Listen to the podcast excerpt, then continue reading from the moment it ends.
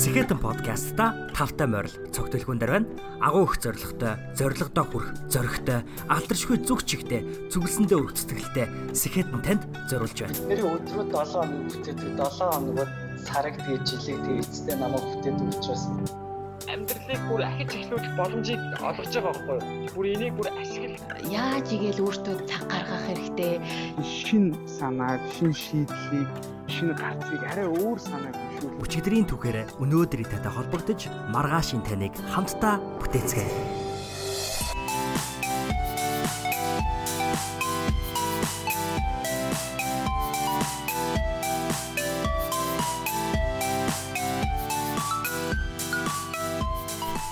Сайн мэцэнэ сонсогчдоо Skeleton podcast-а эргээд тавтай морил та бүхэндээ шинэ өдрийн шинэ өглөөний мэндийг хүргэе. Бидний өнөөдрийн зочин бол өглөөтэй холбоотой нэг юм. Юу гэсэн үг вэ гэхээр бидний өнөөдрийн зочин Самбуугийн болт сайхан нь Япон улсын Токио хотын Waseda их сургуульд улс төрийн шинжилгээ ухааны докторийн зэрэг хамгаалгаар Японы засгийн газрын тэтгэлгээр суралцж буй эрдэмтэн юм. А түүний судалж буй судалгааныхын сэдвүүд нь тун сонирхолтой. Тэдгээр нь юу вэ гэхээр байгалийн баялагын хараал улс төрийн намуудад хэрхэн яаж нөлөөлдөг талаар санал худалдан авалт болон бизнесийн хамтрагч хэлбэрээр улс төрийн эрх мэдэлд гарч дараа нь эрх мэдлээ ашиглаж клиент буюу үйлчлүүлэгчийнхаа эрх ашиг таарсан боломж болцоогоор хангадаг клиентлизмын үзэгдлийг Монголд ямар хэлбэрээр огшин тогтногддог талаар зэрэг тус тус сэдвүүдэд болцоохон маань төвлөрч судалгаагаа өрнүүлдэг нэгэн байна. За мөн болцоохон нь бүх найрамдагчдын олон улсын хүрээлэн Ази сангийн дэмжлэгтэйгээр зориг сангийн хэрэгжүүлж байгаа залуусын улс төрийн идэх оролцоог нэмэгдүүлэх зорилготой өглөө төслийн багийн гишүүн юм. Бид нар бол одоо бүгдөө өглөө төслийг мэднэ гэж тэгж байна. За энэ дугаарынхаа эхний хэсэгт бид хоёр Монгол улсад ямар ямар төлөөллийн асуудлууд улс төр нийгэм маань болон өглөө төслийн талаар ярилцсан бол Хоёрдугаар хэсэгтээ хэрхэн залуу мэрэгжлийн хувьд бид бусадтай холбогдож танилын хүрээгээ тэлж тэлэх буюу нэтворкингоо үргэлжүүлж боломжуудыг олж бүтээх талаар ярилцсан ба. Яагаад би энэ сэдвийг сонирхон хөндөж авсан бэ гэхээр болцайх нь Washington Post, Al Jazeera дээрээс ахуулаад олон улсын мэдээллийн хэрэгсэл платформудаар өөрийн ажлаа нийт тогтмол хэвлүүлж яадаг туйрвагч эрдэмтэн гэж би онцлно. За ингээд би та бүхэндээ болцайхантай ярилцсан залуучууд бид олдсон арчлаа хамгаалж олгогдсон үүргээ биелүүлж арчлалыг илүү сайжруулах үүргийнхаа тухай ярилцсан энэ дугаарлууга өсөрхийг урьж байна.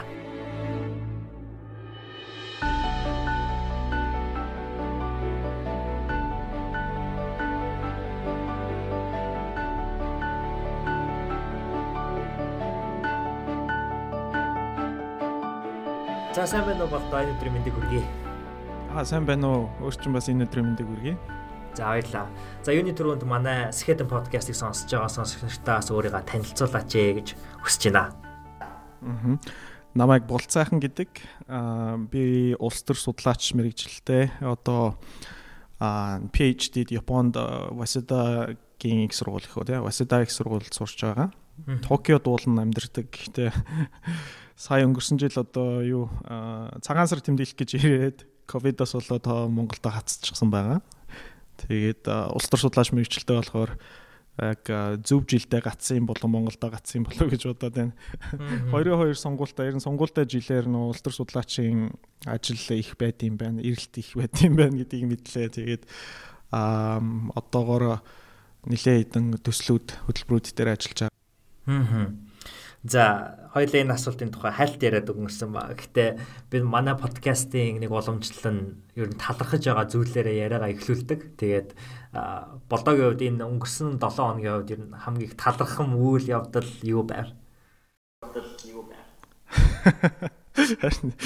Харин дөрөв хальт яриад өнгөрсөндөө би аа бодоод исэн чи айгүй хэцүү юм байлаа. Яг тэгэхээр өнгөрсөн 7 хоног бол миний хувьд нэлээд бухимдалтай 7 хоног өнгөрсөн л дөө.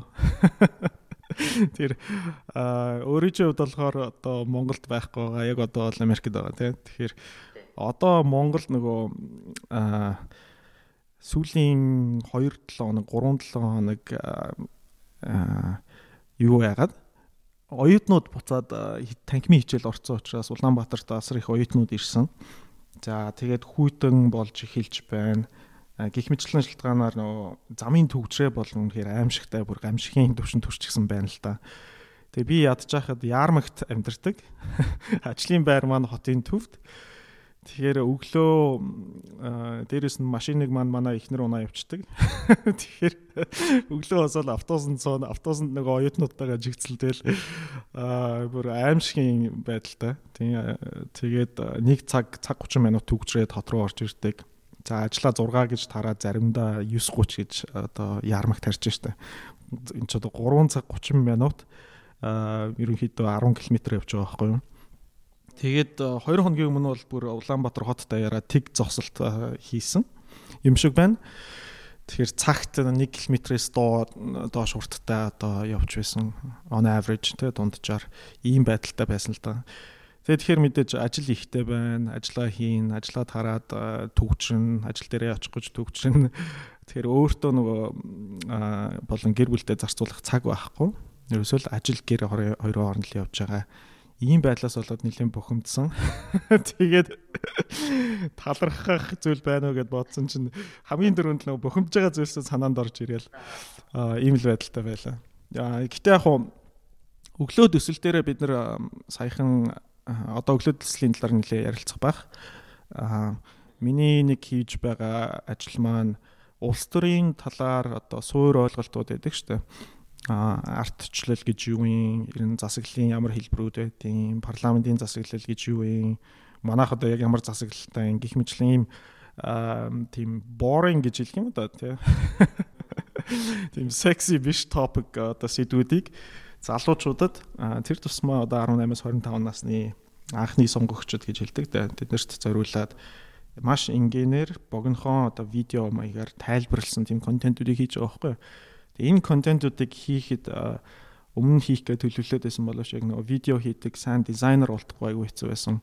Өнгөрсөн 7 хоногт бол бид нар айгүй мундаг дизайнер авлаад видео контент эдитор болоод эхнийхээ одоо эпизодыг тавьсан. Тэгээд одоо 2 3 хоногийн дотор 20 эд мянган хүн үзсэн байна. Тэгээ тэрэнд одоо үнэхээр одоо талархаж байна да. Сайн бодоод үзэх юм байна. Тийм тэгэхээр манай дизайнер чи шүү гэдээ одоо нэг shout out хийчий да.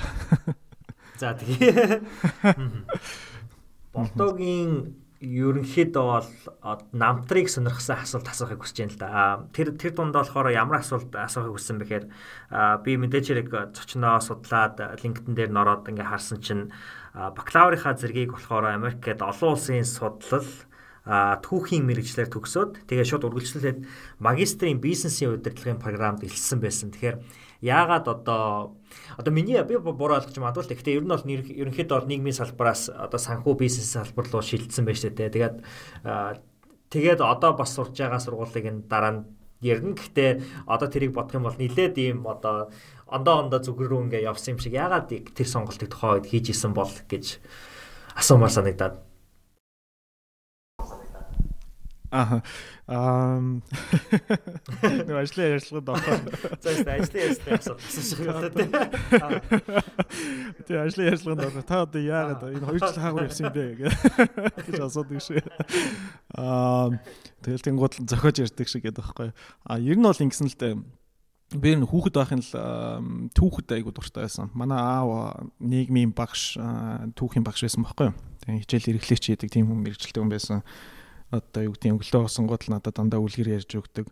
Нөгөө цуудын загаагчгүй гэж үлгэр яриад би нөгөөтийн сонсч уйлал. Тэ амар нэрэ бодоход амар гонигтай тийм нэг бодлын жоохон жоохон хөвгөдөд тохироогүй үлгэрүүд ярьдаг байсан юм шиг байна. Anyway, um тийм тэгээ үлгэрээр сонсож а, түүх сонсож өссөн болохоор түүхэд айгүй дуртай байсан. За тэгтээ а, Америкт одоо 10 жилээ төгсөөд бакалавр хийх гээд очиход одоо нэг нэг ихний нэг жил одоо general education гэдэг хичээлүүд авдаг шүү дээ. Ерөнхий эзэдмийн хичээл аваад яг ямар мэрэгчлэлтэй болмоор байгаагаа өөрөө бас жоохон мэдгүй байгаа хүмүүст те хугацаа олгодог. Тэгээд тэр жилийн эхний одоо freshman байхдаа түүхийн хичээл авч үзээд тэрнээс гадна бас өөр хичээлүүд авч үзсэн. Бизнес бол айгүй таалагдсан л дам. Нэг бодлын бизнес бол айгүй тийм энгийн ойлгомжтой аа нэг тийм хэцүү бас бас биш тэгсэн мөртлөө аюу хэрэгтэй мэрэгжил юм шиг санагдаад а гихтэл хажуугаар нь бас а, түүхт аягүй дуртай байсан. За дээрэс нь одоо яг үнийг хэлэхэд нэг багштай танилцсан байхгүй юу? Raymond Scoopin гэдэг одоо антропологч багш байсан. Нилээн одоо настай маш одоо тийм kind Аа тэгээд дээрэс нь үнэхээр одоо эрдмийн ундраг болсон тийм мундаг багштай танилцаад тэгээд тэр багш маань олон улс судал гэдэг олон улсын судлалын танхимын эрхлэгч нь байсан.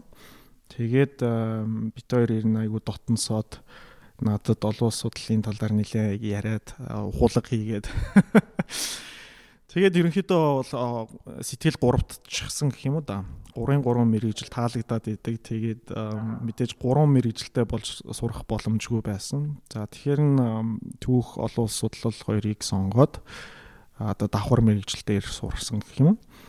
Аа тэгээд сурч төгссөний дараа нэг боломж олдсон. Тэрний юу гэхээр одоо School of Humanities гэж одоо юу юм бэ? Нийгмийн факультетийн захирлын туслах хийгээд 40 цагийн ажил хийгээд а цалингаараа одоо сургуулийнхаа төлбөрийг төлөөд магистрт оройн цагаар сурах боломж олцсон байхгүй юу.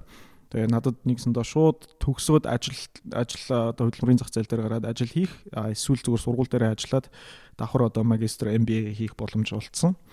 За тэгээд дээрэс нь бизнес бол ер нь таалагдчихсан учраас яг нэг нуугүй хэлэхэд түүхийн мэрэгчлэр хүн амьдралаа зулгуулна гэдэг хэцүү л дээ.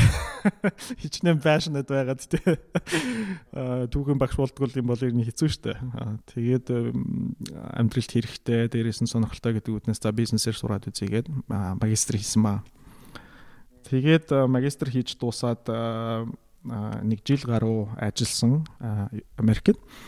Аа тэгвэл за тэрийг ярил баг 2 2 цаг болох байх л та. Юу хийгээд яваад байсан талаар ярих юм бол аа ер нь бол хувийн бизнес хийжсэн манай ахыг болохоор зураач заяа сайхан гээд хүмүүс их сайн таньдаг болчихсон. Аа ахыхаа зургийг ер нь бол зардаг. Галерейнууд дээр очиж зардаг, шивэсныга зургуудаар явж зардаг ийм ажил хийжсэн л да. Тэгээд шууд нэг компанид ороод ажиллахаас илүү өөрөө одоо мөнгө олоод явах нь надад илүү сонирхолтой бас хэрэгтэй байсан. Тэгээд тэр чүүднээс одоо сургуулаа төгсөж дуусангуутлаа Америкийг бол бараг нэг 3 4 тойрсон баг шүү машинтай. Тэгээ машин унаал явал хот хот хот хотоор нь орол муж муж дамжаал явал гэдэг байсан. Тэгээ тийм ажиллаа хийж дуусчаад ирээд нөгөө сурсан MBA-гээ хэрэг болох гээд банкнд ороод ажиллаад тэгээд 2 3 байгууллагт ажиллаж үзсэн. За тэр болгоныгоо мэдээж LinkedIn дээр тавиагүй байгаа. Аа. Ажил солиол яваад байсан нөхөр байж та гэж хэлэх байх л та хүмүүс. Тийм тэгээд аа тэгээ яг нэг 2 жил гаруй Монголд ирээд ажиллаж байхад бизнесийн салбарт ажиллаж үзээд аа за тэгээд ер нь бол а 2 жил ажилласны дараа за миний passion бол ер нь судалгаа хийх буцаад нөгөө нийгмийн ухаан руугаа орох хүсэлтэй болсон л да. Тэрийг ойлгоод за тэгвэл би одоо яг ахаад сурах хэрэгтэй юм байна. Тэгээ сурах сурахтаа улс төр судлал надад айгүй их таалагдсан. Яг тэгвэл түүх олон судлал хоёр чинь ер нь л улс төртэй маш одоо ойрхон салбарууд байдаг учраас За тэгэл улс төр судлалаар сурыг гээд Япон руу явсан байгаа. За тэгвэл хоёул одоо сургуулийн тухай бахан танилцж авъя те. Яагаад яг энэ сургуулийг ялангуяа тэр хөтөлбөрөө сонгосон бэ? Ямар хүчин зүйлс нөлөөлсөн бэ? Аа, хувийн хүчин зүйлс нөлөөлсөн л доо. Манай ер нь эхлээд би Японд сурыг гэж шийдсэн. Яагаад тэгэхээр Японд Япон бол их сонирхолтой. Миний хувьд одоо чухал орн л доо. 15 6 таа бахан анх Японд очиж исэн. Япон бол миний одоо очисон хамгийн анхны гадаад улс байсан. Тэгээ анх удаага угцсан зууж үзээл анх удаага гадаадад очиж үзээл тэгээ нэг тийм соёлын том шоконд орж исэн сандаг байхгүй. Тэгээ айгүй том сэтгэл үлдээжсэн. Аа одоо хүмүүс нь маш ийдэг аа одоо ийдэг дээрэс нь гудамж нь ямар ч хоггүй айгүй өндөр хөгжилтэй би бүр Японы нөгөө нойлд нь боловсон нойлд нь ороод орчихснаас сонгодог байхгүй. Нойлд нь орсон чинь тэ сонгодог хөгжим яваал Тэгээ боловсон тэр ухаалаг нойлд нэг төвчлуур болгон дээр нь дарж үзэл айл ч юм уу тэ гих мэтлэн гэрээ хүүхэд наснд айгу том одоо тийм импакт үлдээсэн болохоор Японд айгу хайртай дуртай байсан. Дээрээс нь манай ах их ч хоёр Японд амьдардаг байсан л та.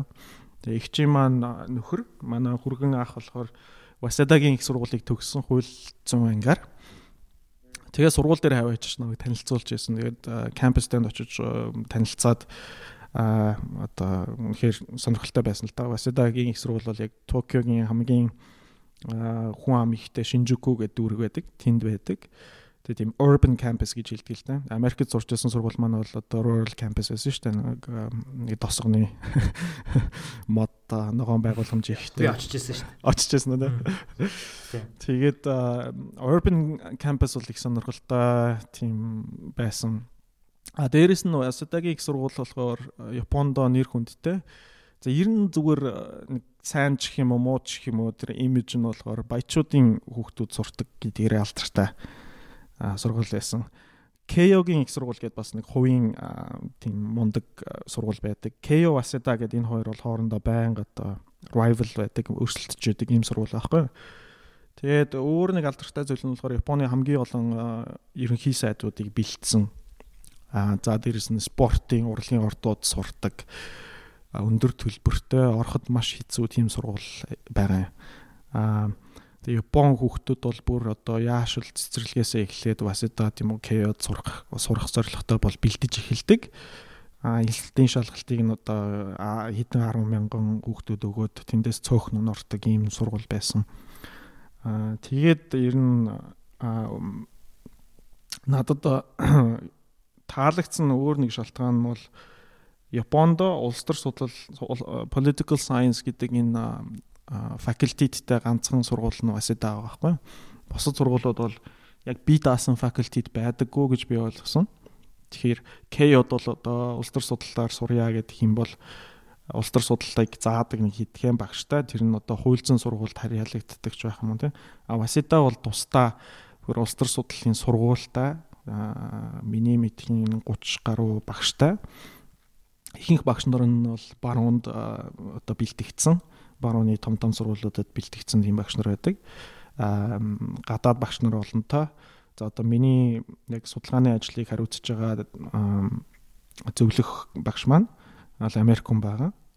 UCLA төгссөн Barbara Geddes гэдэг одоо бүр айгүй алдартай Ахмад багш байдгийн тэрний шав улс төр судлаар сурдаг хүн болон бол Geddes-ийг бол сайн мэднэ. Гэх мэтлэн ийм шалтгаануудаараа Wasatag сонгосон байгаа судалгааных нь ажлын талаар асуумаар байна л да. Ер нь нэг сонирхолтой юм нь яг надад ингэж бодогдлоо л доо. Бусад сургуулиудад нь яг тийм төрийн ухааны факультет, департамент байхгүй гэж үзэх юм бол тухайн сургуулийнхныг судалж байгаа судалгааны ажлууд нь яг тухайн орныхоо одоо хөгжлийг тодорхойлдог те нэлээд чухал судалгааны ажлууд тэнд л ер нь бол хийгдэх ёстой болж таарах гэдэг байгаа байхгүй. Тэгэхээр яг одоо өөрийн чинь тэр Японы бас ирээдүг тодорхойлж байгаа тэр судалгаанууд дээр оролцож тийм ээ. Тэрэнд бас анализ хийж өө тэгээд өөрийн чинь одоо ерөнхийдөө яг одоо харахад эргээ харахад сэтгэгдэл ерөнхийдөө реакшн юу байсан бэ гэж. Аха. Яг Васидад сурахын нэг давуу тал нь юу гэхээр маш олон мундаг багш нартай хамтарч ажиллах боломжтой болдог. За магистра хийчээд докторд орохоор бол одоо судалгааны туслах судлаач гэдэг үлээ те research assistant хийх боломжтой. За дээрэс нь тэр чинь одоо цалинтай full time ажиллаж хэл зүйл байгаа. А гэхдээ одоо цалин авахаасаа илүү маш их зүйл сурч авдаг. Судалгааг яаж хийх вэ? Судалгааны аргачлал гэж юу юм? Одоо шинжлэх ухаан гэж юу юм ингээд тэрийг бол яг практик дээр сурдаг гэсэн үг л дээ. Тэр манай багш бол Мариса Келлем гэдэг тэр Америк багш маань арчлал хэрхэн нурж ундаг талаар бол айгүй их судалгаа хийдэг. За дээрэс нь популизмын талаар судалгаа хийдэг. Харьцуулсан улс төр судлаач байхгүй юу? Тэгэхээр харьцуулсан улс төр судлаач гэдэг нь ганцхан Японыг биш ер нь маш олон улсуудыг ер нь арчилсан улсуудыг бүгдээрэнг нь тэгээ түүхэн судалгаа бас хийж штэ тийм. Тэгээ датасет ашиглаад энэ тоон аргачлал хэрэглээд судалдаг байгаа. Өөр миний мэдих нэг багш байна. Одоо тэр багш дээр би бас судлаач э, судалтанд туслахаар нь ажиллаж байсан. Тэр бол яг Японтой холбоотой, ер нь улс төртэй нэг холбоотой биш а тийм судалгаа хийж байсан. Тэр нь юу гэхээр Twitter-ийн датаг ашиглаад Японд одоо нэг амиа хорлолт бол нэлийн одоо эмзэг сэдэв штэ тийм газар авчихсан тийм зүйл байдаг харамсалтай л та. Тэгээд энэ багшийн хийсэн судалгаа болохоор Twitter-ийн дата ашиглаад ингэдэм байл л да. Японд нөгөө амиа орлох гэж байгаа хүмүүсийн ихэнх нь одоо Twitter дээр Twitter дээр нь Япончууд айгүй идэвхтэй байдаг учраас амиа орлохоос өмнө Twitter дээр одоо сүүлийнхаа твитийг бичдэг ч юм уу те айгүй dark сэдв яриад. Хүн сэдв яриад. Тэгтээ яг би зөв судалгааг сонирхолтой судалгаа гэдэг үднээс нь ярьж байгаа.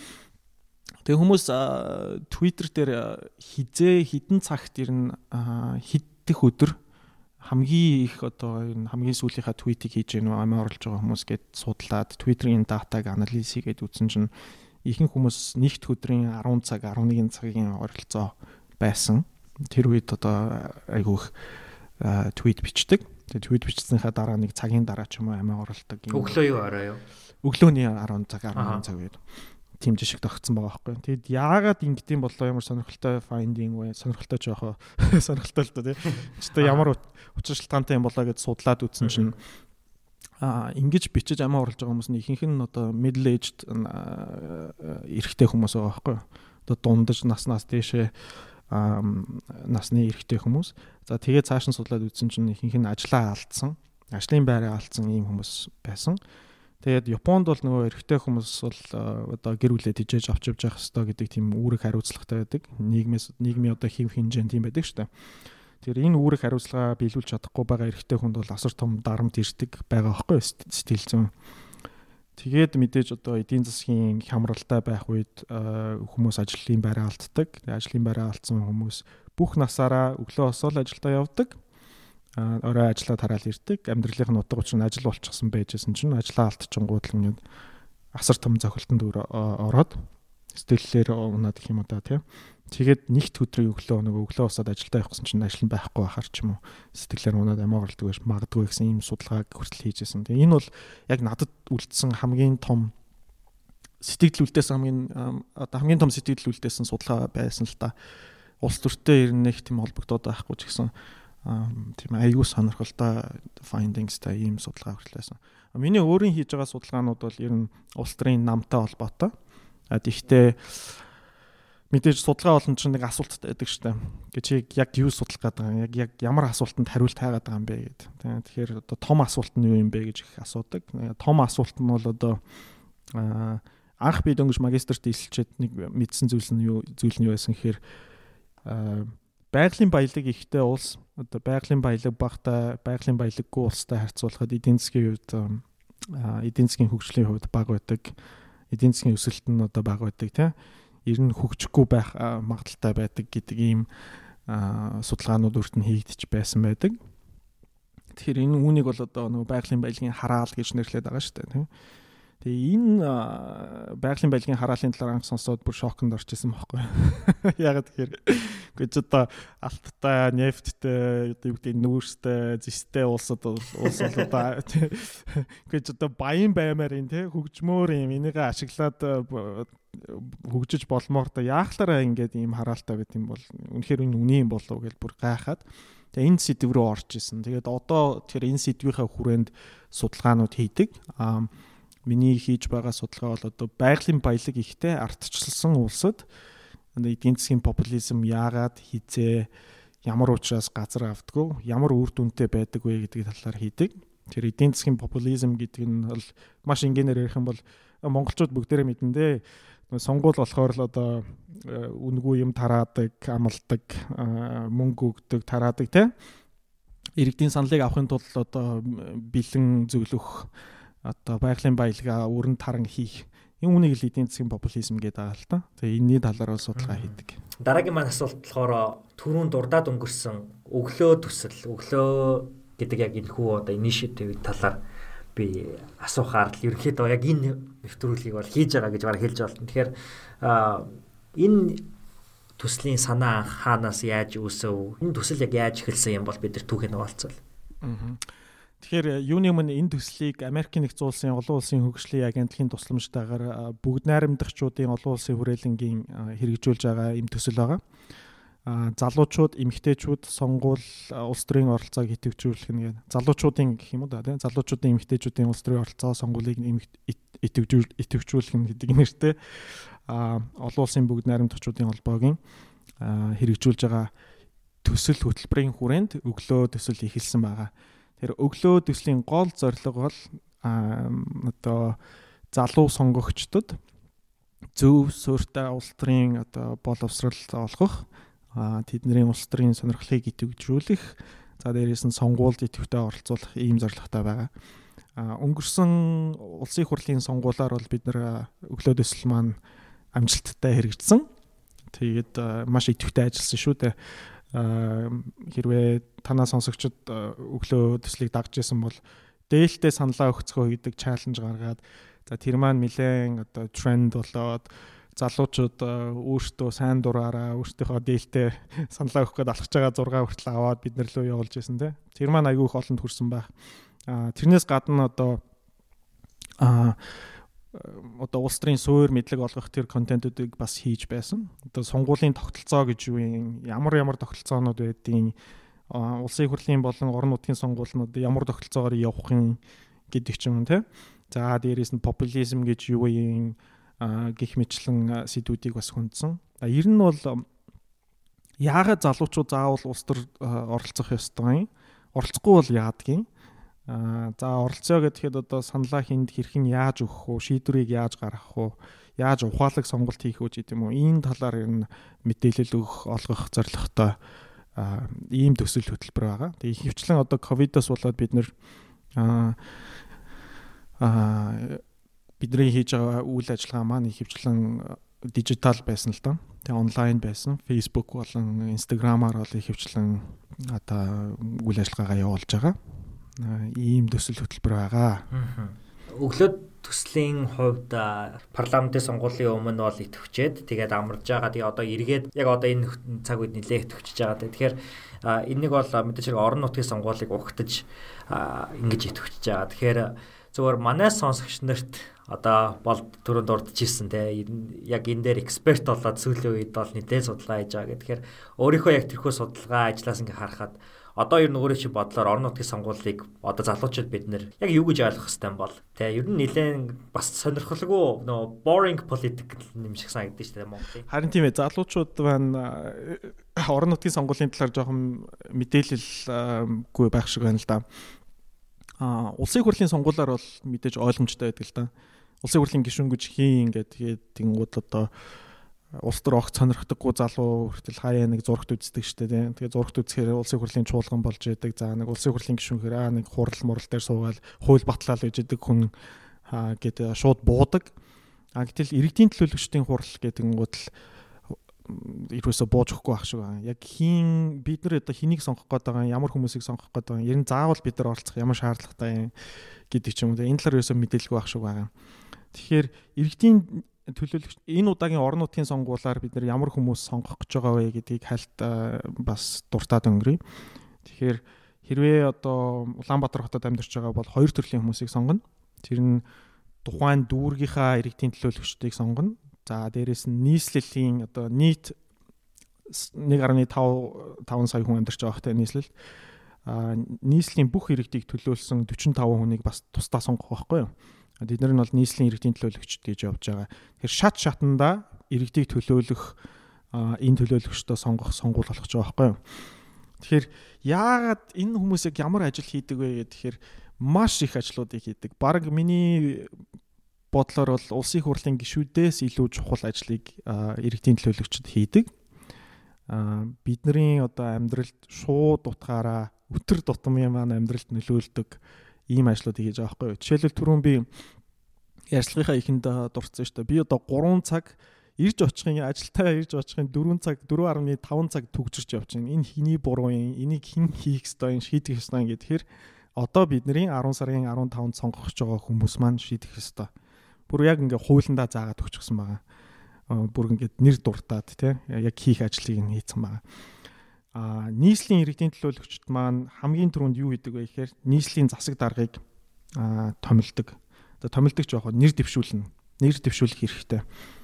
Тэгэхээр энэ сонгуулаар сонгогдсон нийслэлийн иргэдийн төлөөлөгчдийн олонх нь дотроос одоо хин нэг нэг засаг даргад нэр дэвшүүлээд тэрийг нь ерөнхий сайд томилдог. Засаг дарга, нийслэлийн засаг дарга бол маш их эрх мэдэлтэй, үүр асар том үүрэг хариуцлагатай ийм албан тушаал байгаа байхгүй юу? Баг одоо ерөнхий сайд ерөнхийлөгчөөс илүү биднэрт хүрч ажилдаг. Одоо нийтийн тээврийн хүртээмжний асуудал автобусыг одоо маш ихээр э, шүмжилдэг штэ. Монголд амьдарч байгаа хүмүүс бол бүгдээрээ мэдчихэж байгаа. Би одоо баг нушаад яах вэ? Тэ хүүтэн цагтаа ирдэггүй. За ирээд одоо аюулгүй явж чаддаггүй тийм тэгээд түгжрээтэй за дээрэс нь одоо тийм суух суудалгүй ийм автобус автобустай байна шүү дээ тэгээд өвөл болж जैन одоо бараг л хөлдөө юун дотор нөгөө хөлдөөгчн дотор явж байгаа юм шиг л байгаа шүү дээ тэр энэ асуудлыг хэн шийдэх ёстой гэхээр хамгийн түрүүнд нийслэлийн засаг дарга шийдэх ёстой. Шинээр автобус авт юм уу? Одоо тийм За тэгээ дээрэс нийслэлийн дид бүтээц зам барих, газар олгох, бидний одоо нийтийн өмчийг хөрөнгийг зарцуулах, захиран зарцуулах, хувьчлах гэдэг ч юм уу те. За дээрэс нь жил болгоно нийслэл маань төсөв баталдаг. Энэ төсөв нь юу гэсэн үг юм гэхээр бидний ажилч хөдөлмөрлөөд олсон орлогоосоо төлж байгаа татварыг эргүүлээд одоо бид бид нар зарцуулах ёстой энэ эрх мэдэлтэй байгаа байхгүй юу. Тэгэхээр бидний төлж байгаа татварыг зөв ашигтай зөвлөдөө бидний сайн сайхны төлөө зарцуулж гин үү эсвэл шал хэрэггүй зүйлд аваачаад өрн таран хийж гин үгүй юу гэдэг дээр бидний л сонгож байгаа сонголт маань шууд нөлөөлж байгаа байхгүй юу.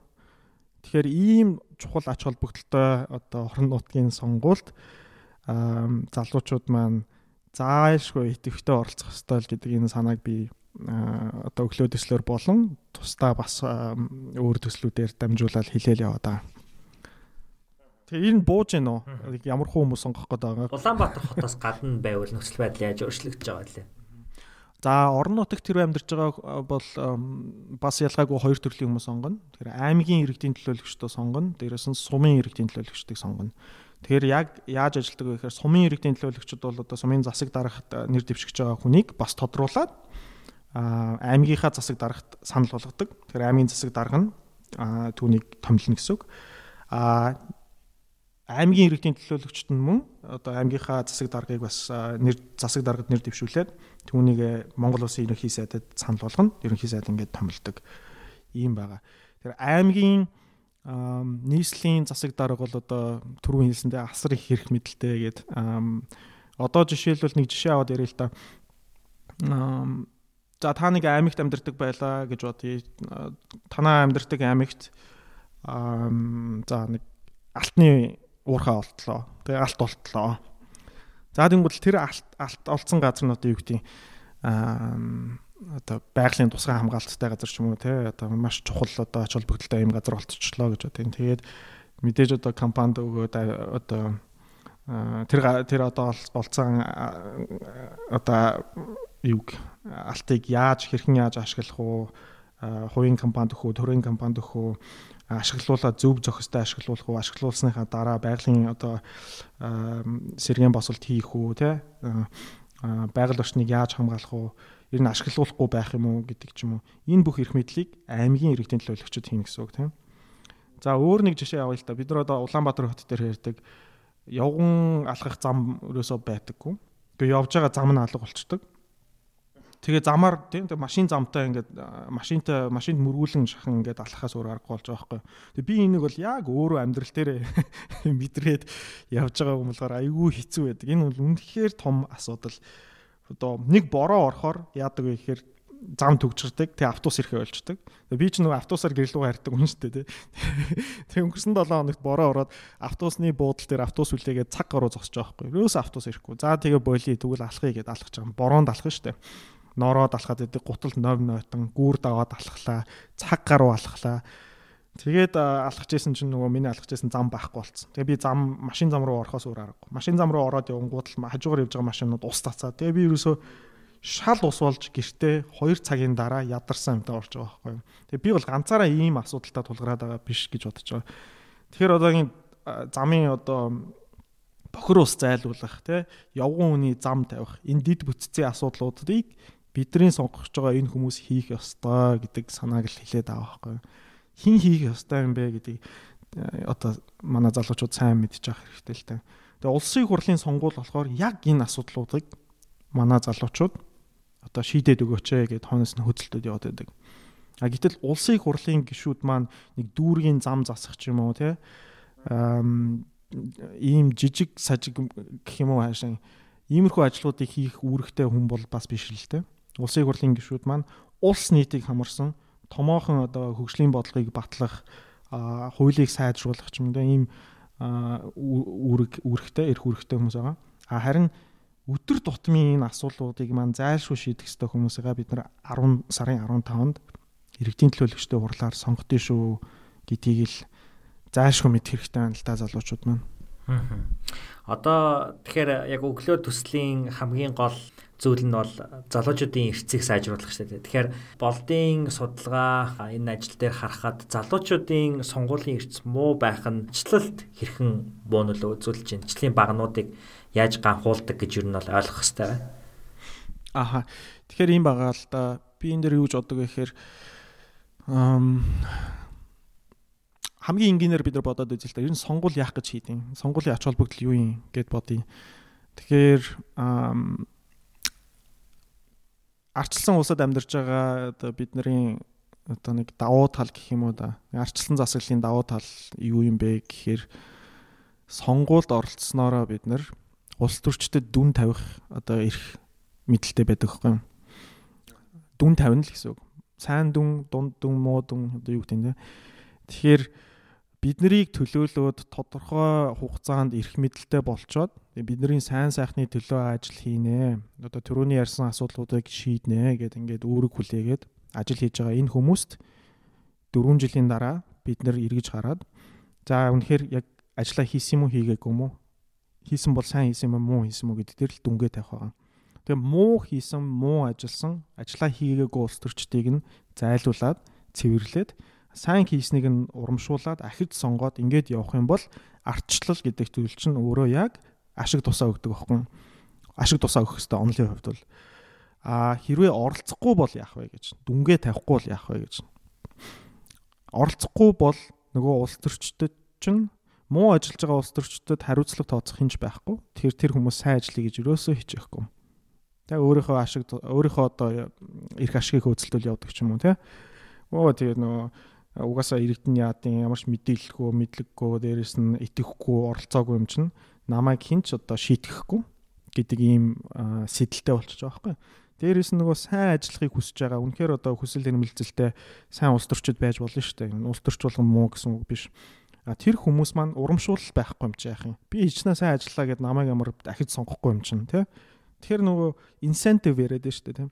Сайн ажиллах тэр сэтэл инсентив нь бас байхгүй болчихно. Тэгэхээр улс төрд оролцох тэр залуучуудын оролцоо бол асар чухал болж таарж байгаа байхгүй юу. Бид нар яг үнэндээ ажиллаа хийхгүй оролцохгүй үүргээ ухамсарлахгүй энэ улс төрчдөд дүнгээ тавихгүй байгаа учраас манай улс төрчд маань хариуцлагагүй муу ажиллаад байна л гэсэн үг л тийм. Ахаад нэг жишээ аваад ярил л та. Ер нь хэдүүлээ одоо арчилсан биш одоо авторитар засаглалтай улсад амьдарч исэн бол үнэхээр одоо юу гэдэг бидний амьдрал муу муухай байлаа гэж бодвол одоо Тэгээ одоо юу гэдэг те хэцүү байлаа ингээ асуудалтай байлаа гэхээр тэр хиний буруу юм гэхээр бидний буруу л биш болж таарна шүү дээ. Яагаад гэвэл бид нар ямар ч эрх мэдэлгүй оролцоогүй юм чинь дарга нарын л буруу шүү дээ. Улс төрчдийн л буруу шүү дээ те төрийн буруу гэл хайчна. Тэд нар л шийдэх ёстой шүү дээ. А арчилсан улсад амьдарч байгаа бол асуудлын нэг хэсэг нь бид нар өөртөө болж тараад байгаа байхгүй юу? Бидний сонгосон хүмүүсийн л одоо хийсэн ажил болж тараад байна те. Тэнгууд л бүгдөрөнгийн одоо төрд бурууг нөгөөд улс төрчдөд бурууг нөгөөд хаях биш улс төрчид үнэхээр муу ажилла хийж байгаа учраас хийж байгаа хийж байгаа бол тэр муу хийж байгаа хүмүүсийг зайлуулад сайн хийх ёстой хүмүүст нь боломжоо олгоогүй тэр ажиллаа бид нар хийгээгүй байгаа учраас л ер нь асуудалтай байна гэж үздэг байгаа байхгүй. За өөр нэг аргумент гэх юм уу миний нэг бодол нь залуус тэгвэл заавал яагаад оролцох юм бэ гэхээр аа оролцохгүй бол нөгөө оролцож байгаа хүмүүсийн аа одоо үзэл бодол оролцож байгаа хүмүүсийн одоо priority те ямар асуудалд одоо ач холбогдол өгж байгаагаар л шийдвэр гаргаад явцдаг. Тэгэхээр улсын хурлын сонгуул дээрш дээр орон нутгийн сонгуул дээрш дээр залуучууд оролцдоггүй учраас залуучуудын одоо хүсэл эрмэлзэл тэднэрт тулгарм тулгараад байгаа асуудал ер нь шийдэгдэхгүй орхигдол өнгөрөөд идэг. Тэгэхээр залуучуудад ямар асуудал тулгараад идэв залуучууд юунд ач холбогдол өгдөг те what do they care about гэдэг одоо ийм асуулт гарч ирж байна шүү дээ те аа тэгэхээр өнгөрсөн орнуудын өнгөрсөн улсын хурлын сонгуулиас өмнөхөн бид нэг 600 гаруй залуучуудын дунд судалгаа хийж үзсэн байдаг. Тэгээ энэ судалгааны үр дүнгээр бол залуучууд хамгийн нэгдүгээрт боловсролын асуудлыг хөндөж байсан. Аа чанартай, хүртээмжтэй боловсрол эзэмшмээр байна гэж тэ. Аа хоёрт нь бол ажилгүйдэл байсан. Тэгэхээр залуучуудын дунд ажилгүйдэл бол өндөр байдаг. Аа их сургууль төгсөөд ажилдаа ажилдаа орлоготой байя гэхэд мэдээж хэцүү байгаа. Тэр энэ хоёр асуудлыг бол хөндөж байгаа. Аа тэгэхээр энэ хоёр асуудал шийдэгдэхгүй яваад байна гэдэг чинь яагаад юм бэ гэхээр ахаал нөгөө түрүүний хэлсэн шүү дээ. Улс төрчид бол нөгөө улс сонгуульд оролцож байгаа хүмүүс юунд оч холбогдол өгж जैन тэрийг нь хөндөөл яг тэр асуудлыг нь шийдэх гээл явдаг. Санал авахын төлөө л ажилдаг учраас а залуучууд оролцдоггүй учраас энэ ажилгүйдэл боловсролын асуудлууд энэ орхигдоод хойно хойно үлдээд байгаа байхгүй. Тэгэл ангууд хамгийн нэгдүгээр тэтгэврийн асуудал, тэтгэмжийн асуудал аа тэр асуудлуудыг хөндөд яваад байгаа мөртлөө яг бидний хүсэж байгаа зүйлийг ер нь орхиод яваад байна шүү гэсэн санаа. Тэр заавал оролцох хэрэгтэй, оролцоод залуучууд бидэнд ямар асуудал тулгараад байгаагаа уламжлах хэрэгтэй, шаардах хэрэгтэй. Аа тэгээд зөвхөн сонгуульд оролцоод хаях биш. Нөгөө сонгочоод дараа нь бас хяналт тавина шүү дээ.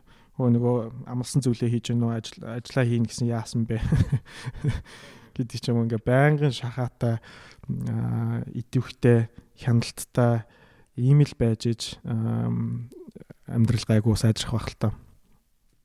Тэгэхээр энэ арчлал гэж юу юм бэ гэхээр тэг чи өөрөө өөрийнхөө одоо хувь тавилангийн эзэн л байхыг хэлээд байгаа байхгүй юу?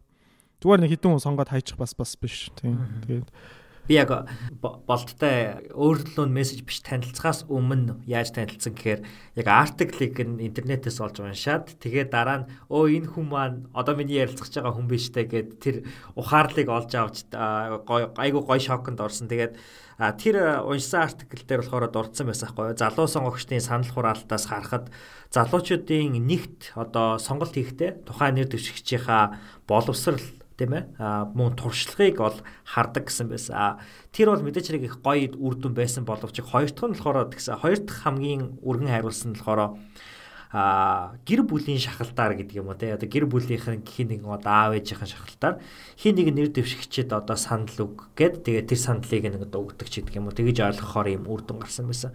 Тэгээ би энийг ер нь бол одоо залуу судлаачийн хувьд хэрхэн тухайн цаг үед бас одоо интерпрет хийж ойлгосон бай.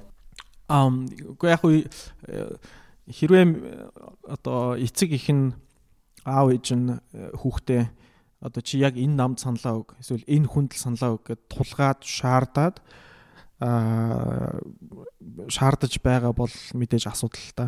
Энэ бол болохгүй зүйл л тэ. Аа харин зүгээр одоо хүүхдтэй тайлбарлаж өгч болно шүү дээ. За сонгуульд оролцож байгаа ийм намууд байна. Ийм 3 4 нам байна. За энэ нам бол ийм онцлогтой, ийм үзэл үзэл үзэл баримталтай, үнэт зүйлтэй.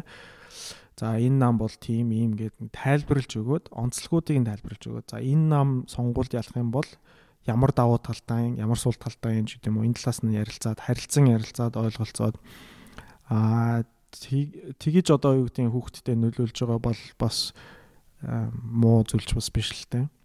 Тэг ер нь бол би даасан шийдвэр гаргахад нь туслах байдлаар тий туслах байдлаар мэдээллийг нь олгоод тэгээд өөрөөр нь одоо саналыг нь өгүүлэх зөвлөлтөө.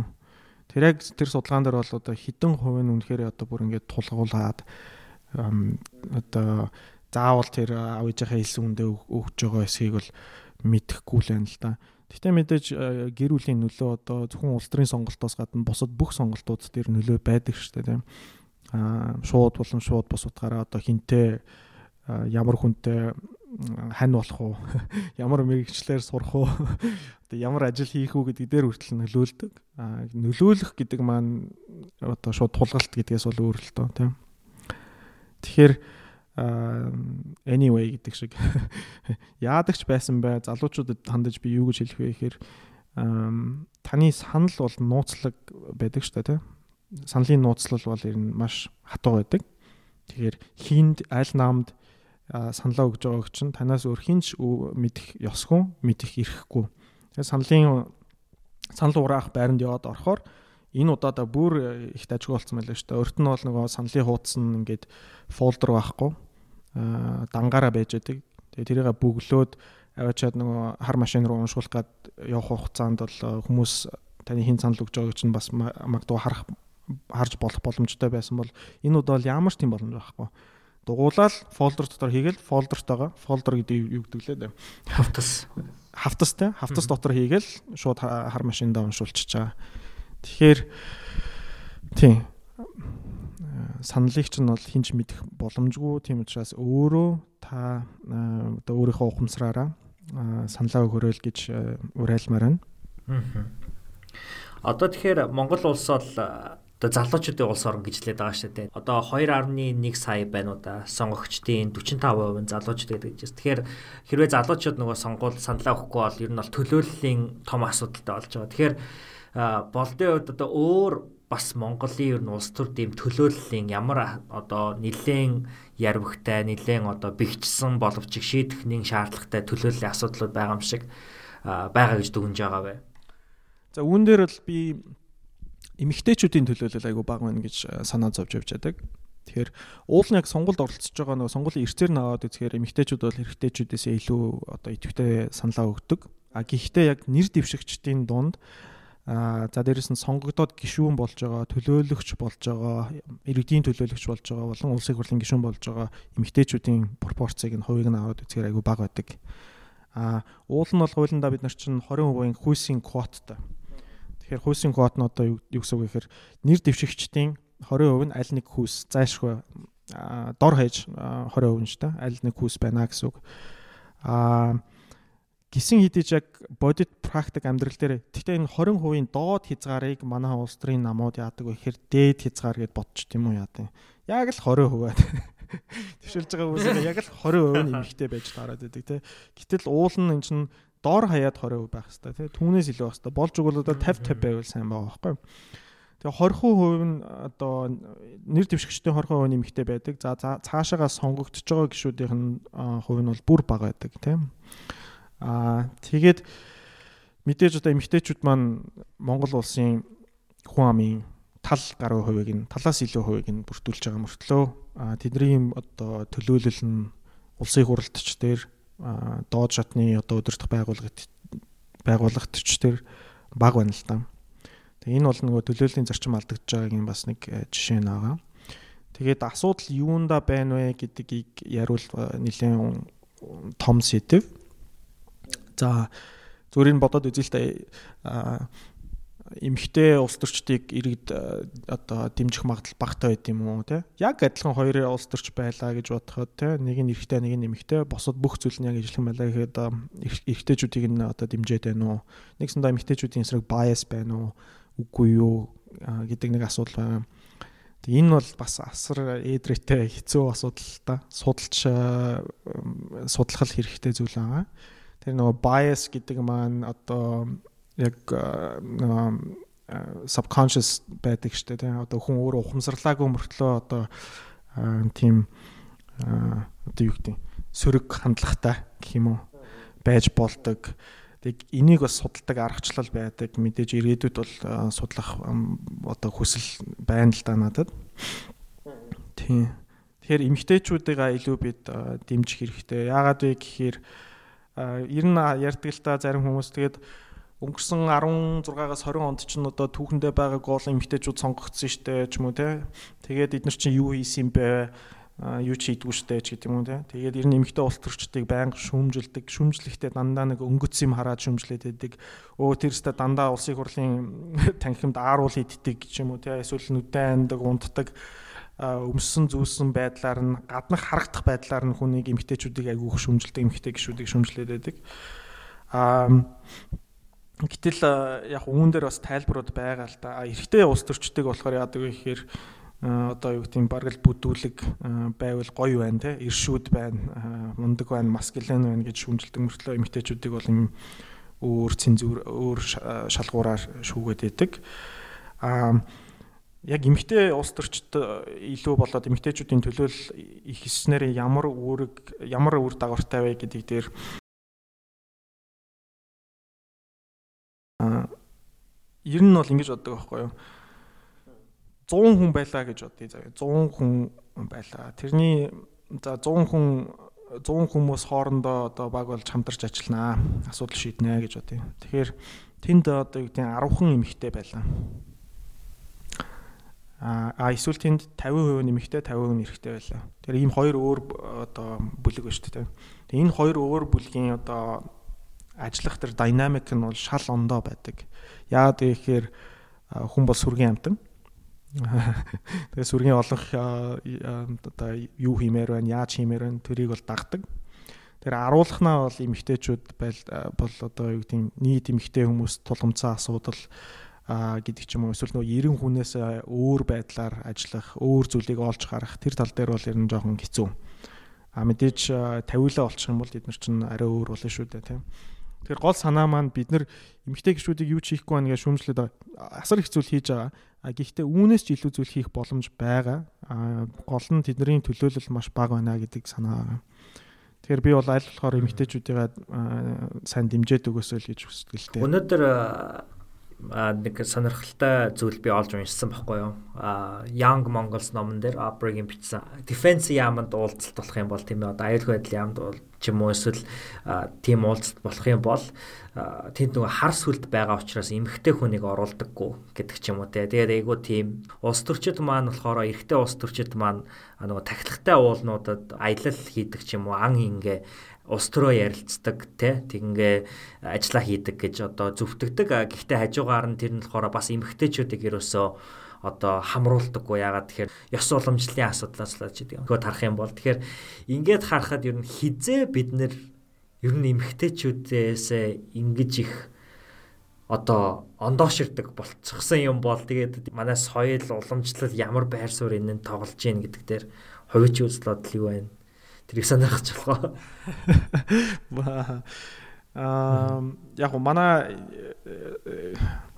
уламжлалт одоо нийгмийн хэв хэм одоо хүүсийн юу хэмтэй хүүсийн нийгмээс одоо эрэгтэй хүн бол нэг ийм байх хэвээр, эмэгтэй хүн бол нэг тийм байх хэвээр гэдэг тэр хэм хэмжээг бид нар тогтоож өгдөг шүү дээ тий. Энэ хэм хэмжээ маань мэдээж хуучинсаг талдаа одоо тэр хүүсийн асуудлыг ярихаар бол энэ нэлээд өргөн хэмжээний сэдвэлтэй. Гэхдээ ганцхан эмэгтэйчүүдэд бас холбоотой зүйл бас биш. Одоо юу гэдэг эрэгтэй хүмүүс бол одоо иршүүд байх хэвээр уйлж болохгүй юу гэдэг юу гэдэг лээ те эмошныг ерөөсө харуулж болохгүй аа одоо ноён нуруутай байх хэвээр. За дээрэс нь одоо сүүлийн үед айгүйх ажиглаж байгаа юм бол эрэгтэй хүн бол ажилдаа орлоготой, машинтай, байртай бүх юм бэлтцсэн байх хэвээр тий а эмэгтэй хүн бол одоо хамгийн дөрөнд даруухан ухаалаг одоо цэвэрхэн цэвэр цэмж одоо юу гэдэг ч үлээ тийм байх хэвээр гэл бидний мэдэх одоо ийм хүүсийн хэв хэмжээнүүд байгаа шүү дээ. Тэгэхээр эднэр маань бол хүнийг айгүй муухай хайрцаглаж өгдөг. Одоо чи бол яг л ийм л байх хэвээр гэдэг нь хүүсээр нь хүнийг ингээд хайрцаглаад байна шүү дээ. Тэгээ тийм биш байх юм бол шийтгэл байдаг. consequences байдаг. Одоо юу гэдэг нь шууд одоо энэ шийтгэл нь ингээд ийм рейнжтэй байгаа байхгүй. Тий одоо одоо хүнийг гадуурхах ч юм уу тий аа сая жишээ авч штэ тий эмэгтэй хүнийг одоо шийдвэр гаргалтанд оролцуулахгүй байх. Аа тэр хүний одоо access-ыг нь хаах.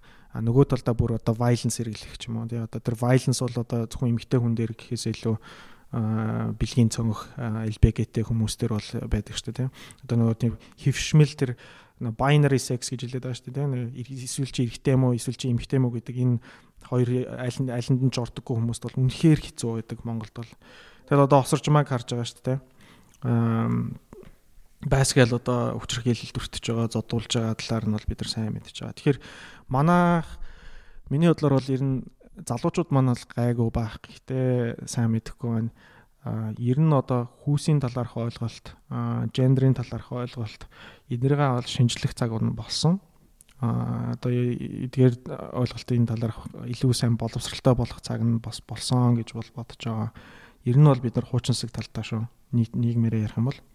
Тийм тэгээд мэдээж ийм хуучинсаг хэв хэмжээтэй, хуучинсаг соёлтой байна гэдэг чинь эргээд нөгөө эмгтээчүүдийн улс төрд яагаад одоо төлөөлөл нь бага байгаагийн нэг шалтгаан болж тараад байгаа байхгүй юу? Тийм. Тэгээ одоо ингээд эргээд харахаар бид нэр арчлаар яваад 30 гаруй жил болж байна. Нэг нэг ч удаа одоо эмхтэй хотын даргатай байж утсангүй. Нэг ч удаа эмхтэй ерөнхийлөгчтэй байж утсангүй. Нэг л удаа эмхтэй ерөнхий сайдтай байж утсан. Гэхдээ тэр нь одоо төр зур гэдэг лээ те. Төр орлогч байсан. Хоёр өдөр ерөнхий сайдын үүрэг гүйцэтгэсэн хүн байдаг баха. Тэгэхээр хизээ бид нар эмхтэй удирдахчтай болох мэдэхгүй байна. Хэлж байгааг. Тий. Цаг нь бол болцоон гэж бол би ол ойлгож байгаа. Тийм сая 10 сарын 2-ны өдөр тохиолоо. Тэгээд Монголын түүхэнд бол гашуун түүхтэй өдөр тийм ээ. Тэгээд яг энэ 22 жилийн өмнө бид нэр Монголынхаа нэг агууга удирдахчийг бол алдчихсан байгаа. Санжасрынгийн зориг агсан. Тэгэхээр яг энэ үед зүгээр надад би бас өөрөө залуу хүнийхээ хувьд энэ хүнээс юу нэргээ харахад юуг нь бид нэр залуучуудын хувьд эрхэмлэж явах хэрэгтэй ингээ харангууд надад нэг хоёр зүйл ажиглагдсан байхгүй. Нэг нь болохоор чирхийллийн бус тайван замаар бүх инх тайван замаар асуудлуудыг шийдэх гэдэг нэг нь суур одоо ойлголт үндсэн. А хоёрт бас зөрөгтэй байх. Тэгэхээр бол болдын ингээд яг ажлуудтай харж байхад бол Монголын хувьд Монголын улс төр нийгмийн байдлаар зөрөгтэй мөн дөрвтэй ажлуудыг бол гүйцэтгэж дэлхийн нийтийн анхаарлын төвдөд мэдээллийн их сурвалжуудаар би дааж болон бусад эрдэмтэд судлаач нартай хамтарч одоо Монголын тухай бичсэн байсан маш олон том том вебсайтуудад тэднийг би бол олж унших бол надад айгүй сайхан байсан. Тэгээд зөвөр яг энэ ажил бол мэдээч хэрэг одоо одоо PhD candidate-ийн хувьд бол чухал зүйл л дээ. А гэхдээ зүгээр яг өөрөө чинь яг хувь хүний шалтгаанаас тийм ээ яагаад энэ ажил өөрт чинь чухал санагддаг вэ? Яг яг яагаад энэ артиклуудыг ер нь бичиж олон улсын тавцсан дээрээс бас Монголын тухай хүмүүст нэг зүйлэлж гисэн хэлэх чухал санагддаг бай. Аха. Ам Ер нь бол яг би ингэж боддог л доо. Өөрийгөө аяг вацтай гэж боддог. Бид нэр арчилсан одоо улсад амьдарч байгаа арчилсан улсын иргэн байна гэдэг маань өөрөө асар том одоо privilege асар том одоо завшаан гэдэг үлээ тийм тийм зүйлтэй. Тэгээд үүнийг бол мэдээж одоо 90 оны хувьсгалаас өмнө төрсэн 90 оны хувьсгалаас өмнө амьдарч байсан ухаан орсон хүмүүс тэгээд шилжилт хөдөлгөөн хийгээд арчил руу орсон хүмүүс бол биднээр хилүүлтгүй сайн мэддэг юм шиг байна. Тэгэхээр шинэ үеийнхэн маань Zenji ч гэдэг юм уу те нөгөө хувьсгалын дараа төрсэн ер нь арчилсан нийгэмд анханасаа л төрж өсөж байгаа юм хүмүүс маань одоо take it for granted гэдэг штэ те үл оошоодаг хичнээн азтай байгаагаа бол сайн ухамсарлаагүй байгаа юм шиг санагддаг л да. Аа тэгээд хүн нөгөө эрхчлөөний утга учир одоо үн цэнийг хизээ мэдэрдэг вэ гэхээр эрхчлөөг нь аваад явчихсны дараа мэдэрдэг шиг тийм эрхчлөөгөө болцсны дараа ямар чухал юм бэ гэдгийг мэддэг шиг авч явахгүй байгаад байх юм бол нөгөө үл ошодог ч юм уу а тэгж санагддаг л та. Тэгэхээр арчилсан ер нь нөгөө нэг 10 дугаар ангид аса хоошо судалгаа хийгээд явж байхад гадны нүдээр барууны нүдээр Монголын арчлалыг харж битсэн айгүй их судалгаа нийтлүүдийг уншижсэн байхгүй юу. Тэгээ онлын хувьд аваад үзэх юм бол Монгол бол арчилсан улс байх боломжгүй улс юм шиг байгаа юм.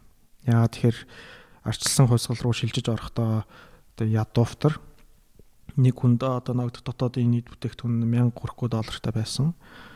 За дээрэс нь шилжилт шилжилт хийсний дараа асар том эдийн засгийн хямралтай байсан. За улс төрийн болон эдийн засгийн давхар давхар шилжилтийг цуг хийсэн. Аа за дээрэс нь манайхтай ойрхон арчилсан улс бол айгүй хол штэ тий.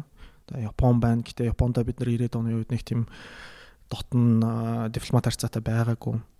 Аа зүүн Европын улсууд ягаад арчилсан болсон ингээд тэгэхээр мэдээж баруун Европтой хил залгаа байгаа учраас одоо соёлын харилцаатай эдийн засгийн харилцаатай тэгээд бид нар нь одоо арчил руу татаад аваад явцсан гэж бол ярьдаг. А манад бол тийм байхгүй. Бид нар одоо хоёр авторитар дарангуулын засгалтай улсын дунд нь хавчуулагдчихсан байж байгаа. Аа за дээрэс нь өмнө арчилсан байсан түүх байхгүй бид нар арчлалын туршлага байхгүй гих мэтлэн маш олон шалтгаанууд ер нь Монгол улсыг Монгол улсын хөрсөн дээр арчлалыг одоо бий болгох боломжгүй л гэж судлаачид үзээд байдаг. Гэтэл арчилсан байгаад байна. Энэ ямар гайхамшигтай юм бэ гэдэг нүдээр хардаг байхгүй. Тэгээ бүр одоо англиар бол odd democracy тэгээ тийм сонин баг гажтай арчлал ч юм уу тий. Одоо нэг арчлал бий болгоход зайлшгүй байх ёстой гэж үздэг тэр prerequisites нь байхгүй байхад арчилсан байгаад байна гэж үздэг. Энэ бүгдийг олж мэдээд үнэхээр тийм ямар онцгой юм бэ Монгол улс Монголын арчлал ямар онцгой гайхмаар юм бэ гэдгийг л ойлгосон байхгүй эрт. А гэхдээ нөгөө талаар үнэхээр энэ зайлшгүй байх ёстой нөгөө арчлалыг бий болгох тэр болгодог хөрсөн байхгүй байсан юм бол буцаагаад арчлалд нурж унах эрсдэл айгүй өндөр байдаг байхаа гэсэн тийм зүн совин надад байсан. Тийм ч учраас улс төр судлаар сурч байхдаа арчлал ер нь хаана хизээ яаж нурж ундаг вэ гэдэг талаар нэлээд одоо судалгаа хийж уншиж анхаарч ирсэн. Тэгээ сүүлийн жилүүдэд Монгол байтугай одоо илүү олон жилийн арчлалын түүхтэй туршлагатай ийм улсууд бол ингээд популизмын давлгаанд өртөөд а арчлал нь ганхаж эхэлж байгаа. Тэгээ өөрийн чинь амьдарч байгаа Америкийн нэгдсэн улсад хүртэл одоо үнэхээр асуудал бол хэцүү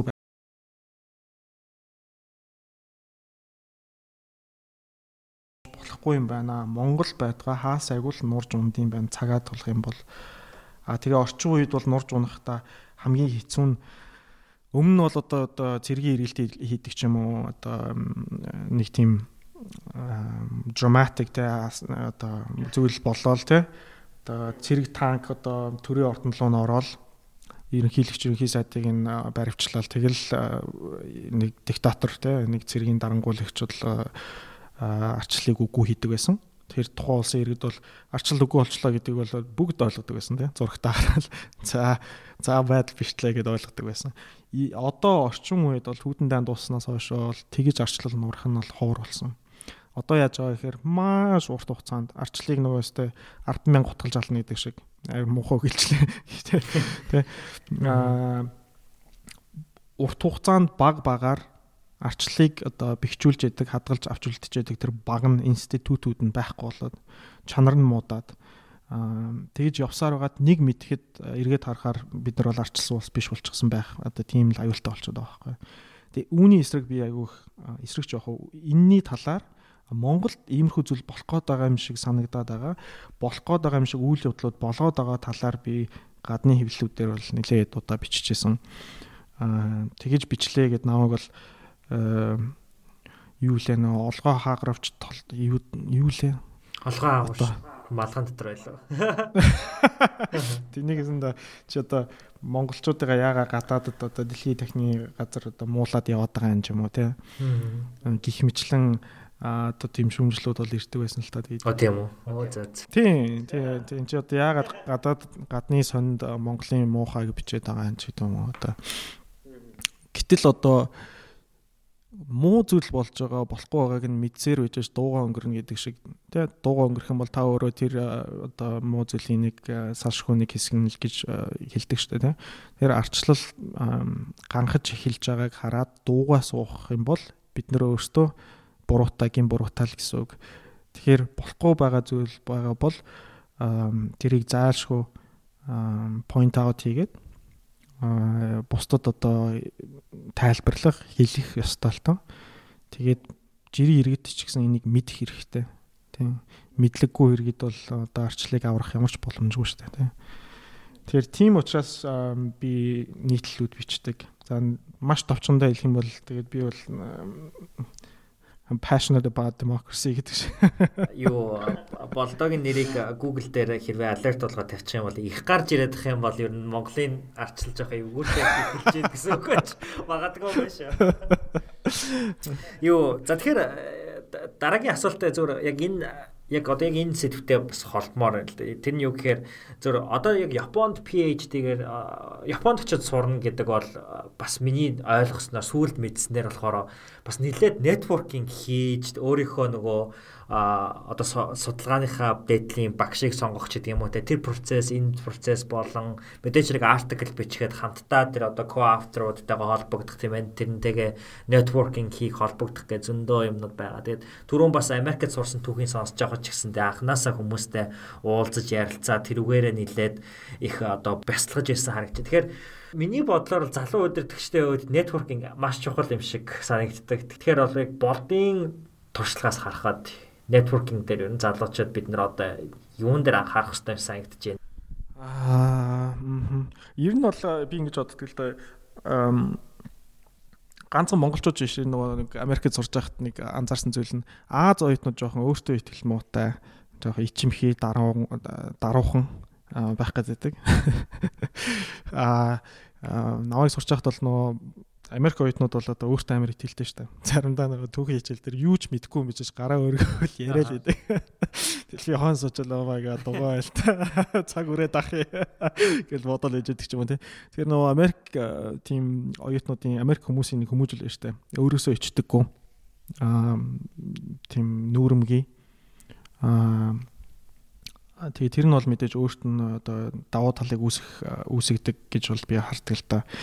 Жишээлбэл одоо за магистр доктор суралцахад хамгийн чухал зүйл нь тухайн сургууль болон факультетаас гадна багш гэдэг байхгүй яг чамайг хариуцаж ажиллах багш.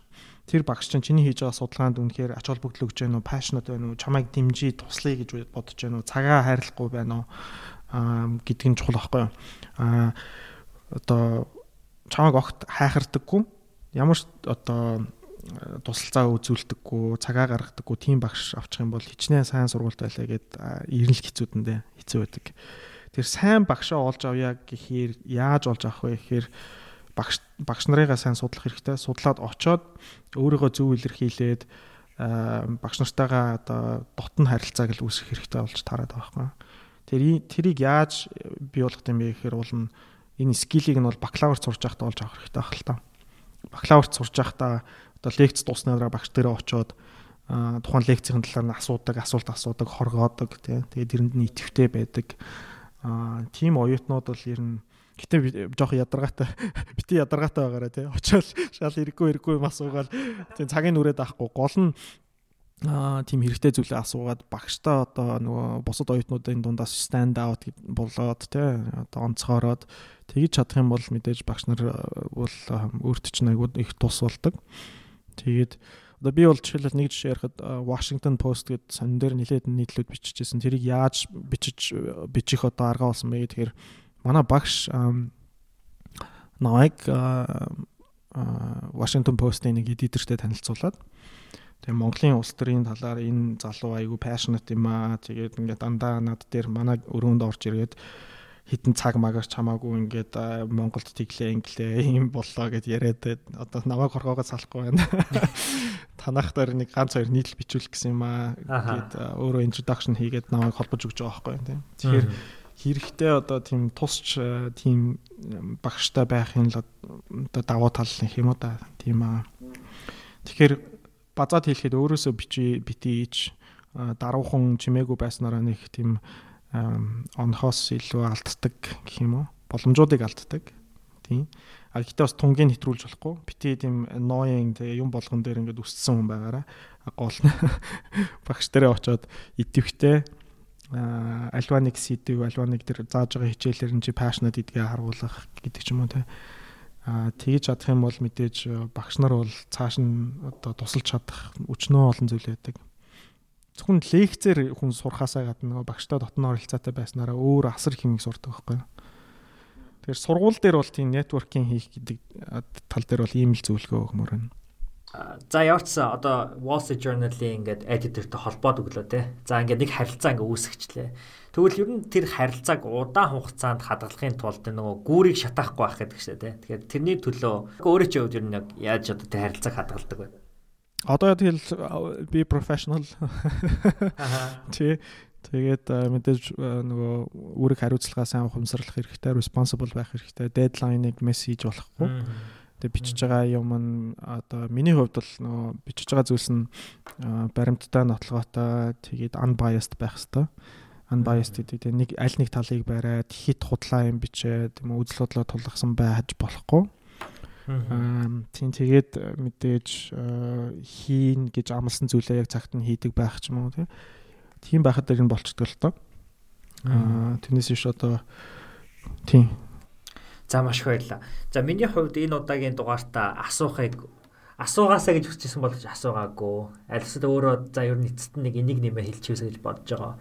Тим зүйл байвал хуваалцаач. Аа тэгэхээр намайг өөрч одоо подкастт оруулсанд маш их баярлалаа гэж ахин хэлмээр байна. Төрүн хэлээгүй байхад. Хэлсэн баха. Би санахгүй байна. Аа тэгээд мэдээж энэ удаагийн дугаарт оролцох болсон гол шалтгаан нь орон нутгийн сонгуульд залуучуудыг одоо идэвхтэй оролцооч ээ гэж уриалах байсан.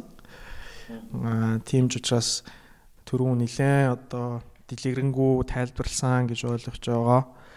А эцэст нь андаад хэлэхэд одоо бидний амьдралд ирэх одоо 4 жилд шууд нөлөөлөх, өдөр тутамд нөлөөлөх тийм чухал ажлуудыг хийдэг хүмүүсийг бид нэр 10 сарын 15-нд сонгох гэж байгаа шүү. Тэгээ та сонгохгүй, оролцохгүй байснараа одоо замын төгжээнд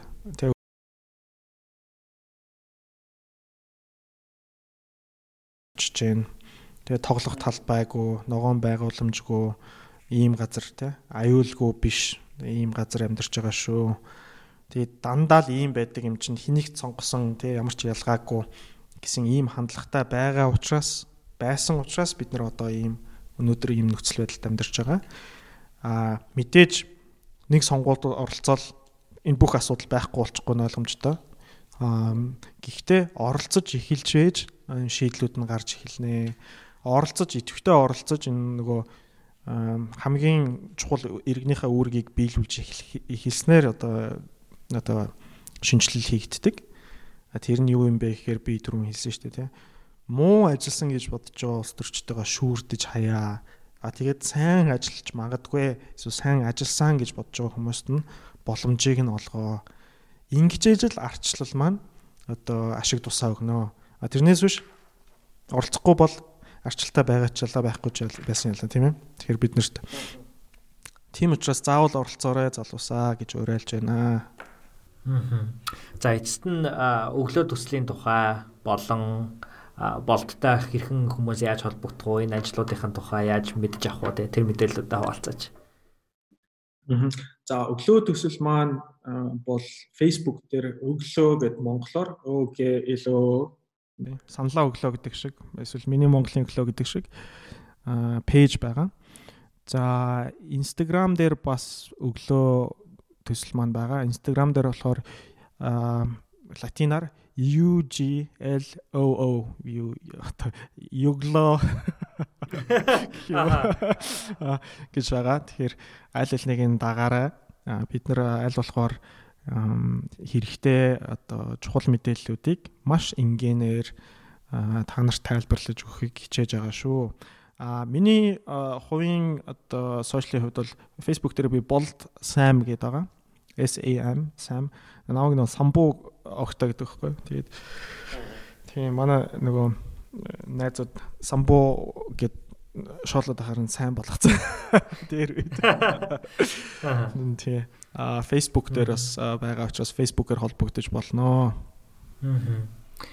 За тэгээд маш их баярлалаа. Өнөөдөр бол миний хувьд бол үнэхээр маш их зүйлийг бас дахин нэг эрэг цүүлж мэдрэмж төрлөө л да. Ерөөсөө бидний оролцоо өчүүхэн ч гэсэн хоошоогоо суужлахгүй те хүн болгоны оролцоо маш чухал гэдэг тэр мэдрэмжийг үнэхээр чи авлаа. Тэгээд өөрийн чинь ажил энэ бүх зүйл өнөөдөр ярьж байгаа нь яриа бүх зүйл нааг үнэхээр хөдөлгөж чадлаа. Тийм учраас өөрт чинь маш их баярлалаа. Тэгээд цаг зав зарцуулсан маш их баярлалаа. Хийж байгаа ажилд нь бүр их баярлалаа гэж лээ тэгээд.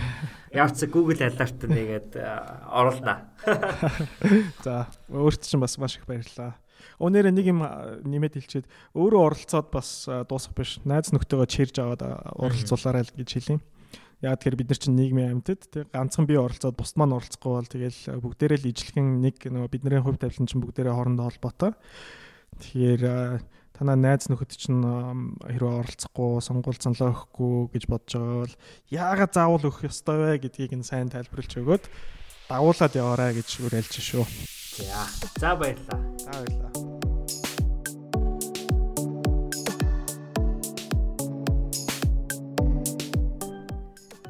Энэ хүрээд Сэхэтэн медиагийн бэлтгэн хүргэдэг Сэхэтэн подкастын маань 5 дугаар удирлын 5 дугаар дугаар өндөрлөж байна. Адил залуу хүнтэйгээ эрхэмлж явдаг үнэт зүйлийн тухай ярилцах шиг тааллыг би тун цөөхөн гэж боддог. Тэмч бас бол сайхны судалд суралцж буй эрдэм шинжилгээний сэдв, асуудлуудын талаар сонсож, гаргалгаа шийдлийг нь түүнээс мэдэж авч, хийж гүйцэтгэж буй ажлуудыг нь сонсож, түүнийг нь дэмжиж ярилцах надад туйлын таатай байлаа. Танд ч гэсэн тийм байсан гэдэгт би итгэлтэй. Эцэст нь та бүхнийгээ ганц зүйлд уриалгаад өглөө пэйжийг болон Сэхэтэн медиа пэйжийг тус тус меншн хийгээд Instagram story дээр оруулаарай гэж би хүсэж байна. Ягаад үг гэхээр сонгуул тун удахгүй дөхөж ойртож байна. Ч учраас өглөө төслийн талаар илүү олон хүмүүс мэдэж аваасаа. Ягаад гэдгийг та бүхэн мэдж байгаа. Бас Сэхэтэн подкастыг маань зөндөө олон хүмүүс мэдэж аваасаа гэж хүсэж байна. Тийм болохоор өглөө пэйжийг буюу UGLOOO пэйжийг болон Сэхэтэн цэг медиа зэрэг пэйж нарыг энэ подкастыг скриншот хийгээд эдгээр хаягуудыг маань меншн хийгээд оруулаарай гэж хүсэж байна. Ойрт ерөөсөө ингэж урайлаагүй болохоор айгу гой санагдаж байна. 10 сарын 15 та бүхэн маань хамгийн гол нь гарч саналаа өгөөрэй гэж хүсье. А миний хувьд харамсалтай нь Америк нэгдсэн улсад байгаа болохоор биднэрт бас сонгуулаа өгөх эрхийг нь олохгүй байгаа болохоор байсан бол хамгийн түрүүнд очиж бас хэрэгжүүлэх байсан тэр үргийг маань миний өмнөөс бас биелүүлж өгөөсэй гэж Сэхэтэн гэр бүлээсээ хүсэж байна.